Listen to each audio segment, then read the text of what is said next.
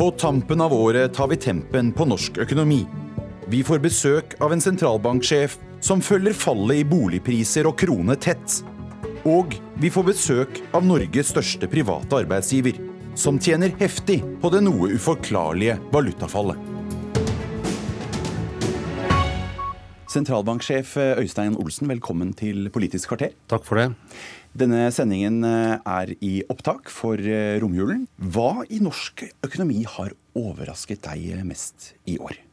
Det er eh, det som, det som har snudd, og, og, kanskje mest naturlig å peke på, er boligmarkedet. Prisene har steget kraftig lenge, så omslaget måtte komme. Men, men likevel så er vel den, den reaksjonen i boligmarkedet som vi har sett, er vel kanskje det som mange har merket seg tydeligst, også sentralbanken. Og du gjestet oss jo her for nøyaktig ett år siden også. Eh, stemmer det. Ja, og da uttrykte du også bekymring for eh, boligmarkedet og tilhørende gjeldsopptak i husholdningene. Så har vi jo hatt, som du, som du, nevner, fallet i boligprisene siden, men gjeldsopptaket er fortsatt veldig høyt. Det er over 6 eh, årlig. Øker det bekymringen din? Nei, jeg, nei, jeg vil snarere i forhold til i fjor. Eh, gjeldsopptaket er høyt. Eh, husholdningene låner penger, og de fortsetter å øke gjelden sin. Men, men den låneopptaket akselererer ikke.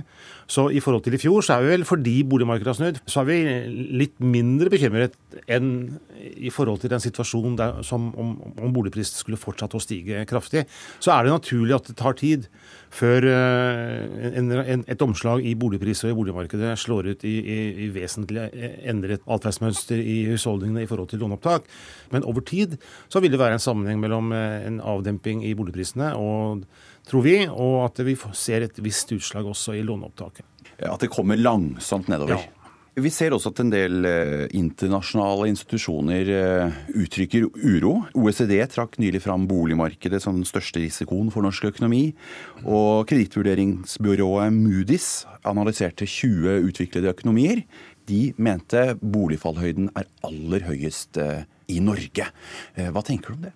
Det er, det, er, det er, alltid usikkerhet rundt anslag. Vi har, slik vi ser det, så tror vi mest på en, at boligmarkedet flater ut. At vi får det vi kan kalle en myk landing i boligmarkedet.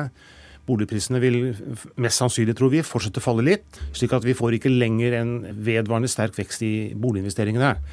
Men i forhold til de ja, reaksjoner internasjonalt og i valutamarkeder osv., og, og den risikoen som da en del markedsaktører ser er der i boligmarkedet. Ja, det er usikkerhet.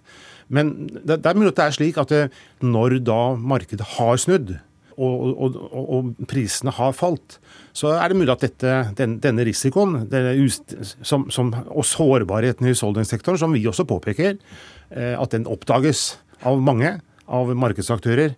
Men, men, men jeg vil mene at gjelden blir ikke borte. Gjelden er høy. Det er en problemstilling som Norges Bank også er opptatt av.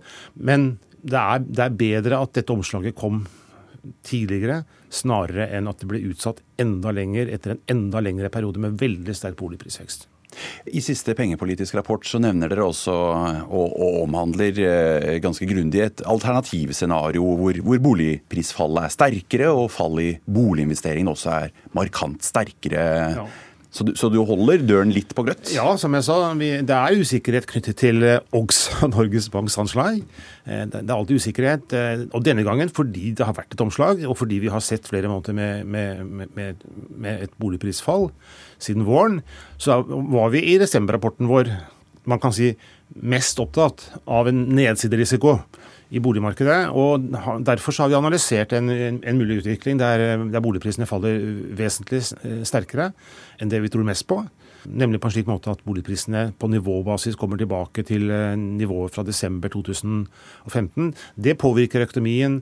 Det fører, fører til en mer sterkere reaksjon i boligbyggingen og boliginvesteringene eh, spesielt. Det fører til at renteoppgangen som vi eh, har, har spådd la oss si, eh, om et års tid, Eh, blir utsatt ytterligere for en slik svakere utvikling, vil påvirke Norges Banks rentesetting eh, fremover.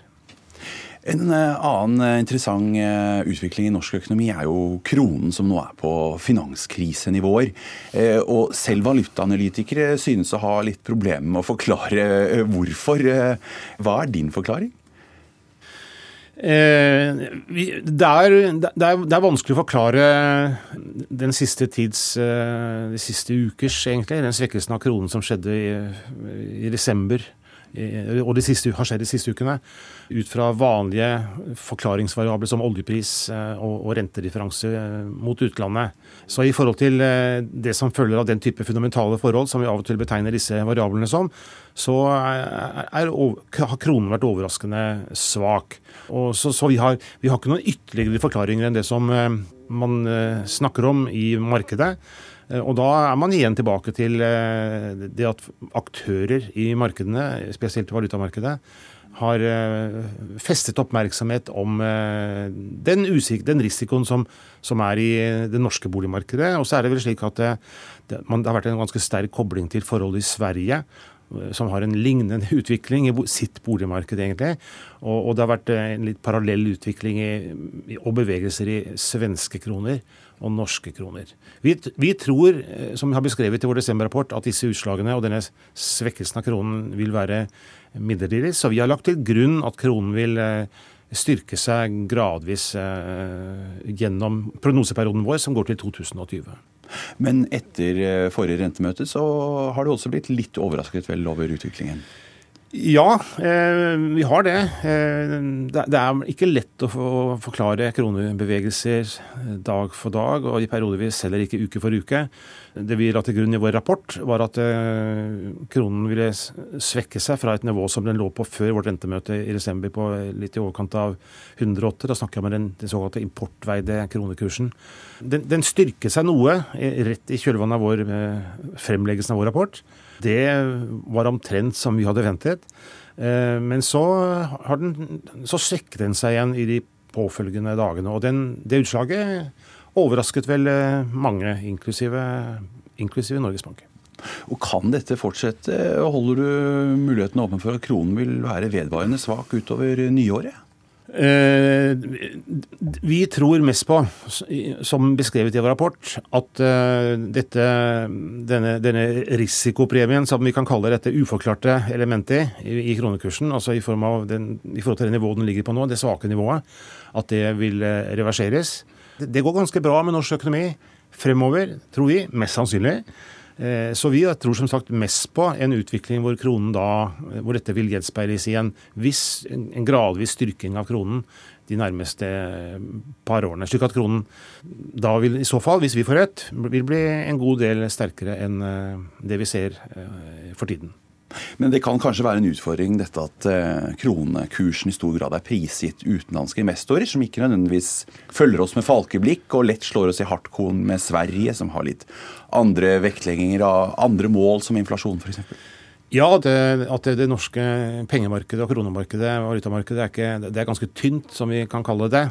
Det, det er vel også en erfaring her at, vi, at det er eh, noen, noen årsskifteproblemstillinger eh, hvor, hvor, det er sterke eller svingninger i kronekursen frem mot et årsskifte.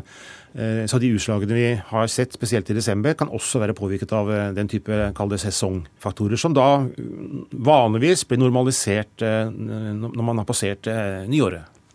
Og når vi skuer ut i verden, eh, utenlandet har jo veldig mye med også rentesetting her hjemme å gjøre, så har vi jo hatt et, et ganske formidabelt år, bl.a. på børsene. Når du ser inn i horisonten, eh, fortsetter denne festen eh, neste år? Det er et stort og krevende spørsmål. Godt, godt spørsmål. Men det, er, men det, er, ikke grunn til å håpe at festen fortsetter i den forstand at formuesverdier, aksjekurser, skal drives ytterligere oppover. Det er en utvikling som vil kunne reverseres eh, og få negative utslag. Dette har noe og en god del med et vedvarende og langvarig lavt rentenivå å gjøre. Det vil ta fortsatt en god del tid før rentene kommer opp, men retningen er ganske klar. Det er i så fall et godt tegn. Det tror jeg også sentralbanker er eh, enig i. De som har ansvar for pengepolitikk, eh, ser frem til den situasjonen, de også, vi også, når renter normaliseres. Eh, fordi da har man et, et handlingsrom igjen for å møte fremtidige mulige svingninger nedover. Det at rentene etter hvert kommer opp, det er et uh, sunt tegn. Vår tid er ute, Øystein Olsen, men da har vi nesten etablert en tradisjon fjerde juledag allerede. Takk for det, og fortsatt, fortsatt god jul. like måte. Velkommen hit, Svein Rikard Brandtzæg, konsernsjef i Hydro. Takk for det. Som vi hørte nettopp, så kan jo selv ikke sentralbanksjefen helt ut forklare kronefallet i det siste. Men uansett, dette er vel veldig godt nytt for eh, Hydros regnskaper? Ja, Hydro er jo en eksportbedrift som eh, også er sensitiv til eh, det som skjer på dollarkursen her. Hvis dollaren f.eks. da styrker seg 10 så betyr det 2 milliarder kroner på bunnlinja til Hydro i positiv forstand. Så den har stor effekt på bunnlinja i vårt selskap. Det er vel eh, det selskapet i Norge som faktisk eh, merker kronesvekkelsen mest? Ja, vi har jo eh, kostnader i norske kroner her, og selger da i dollar. For metallprisen ble avgjort på metallbørsen i London og gis ut i dollar. Så dette har stor effekt på Hydro. Men da ønsker du vel heller ikke mye rentehevinger fremover som kan styrke kronen?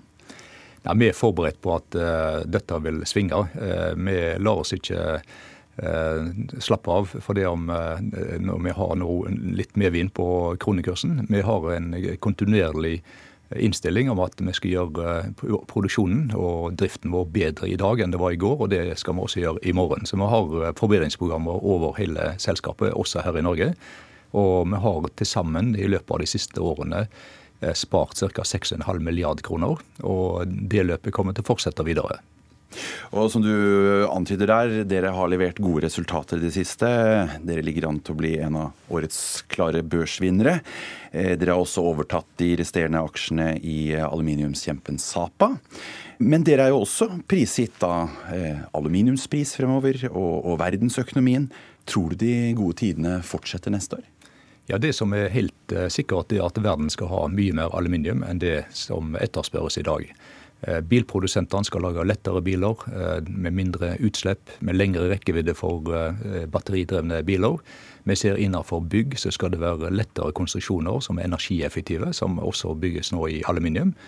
Og så ser vi fortsatt innenfor emballasje så er det resirkulerbar aluminium som er prioritert, og det er stor eh, etterspørsel. Så vi forventer faktisk nå eh, neste år en etterspørselsøkning på 4-5% i verden. Og eh, også en, en, god etterspørsel de neste ti årene, faktisk. Så vi har gode markedsutsikter for våre produkter.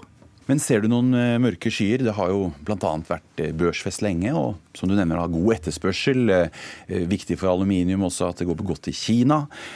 Men det kommer jo gjerne et børskrakk eller en finanskrise da, med ujevne mellomrom. Er det noe du, du frykter? Ja, Den største risikoen som vi ser nå i det globale markedet, er jo den pågående rebalanseringen mellom det amerikanske og det kinesiske markedet.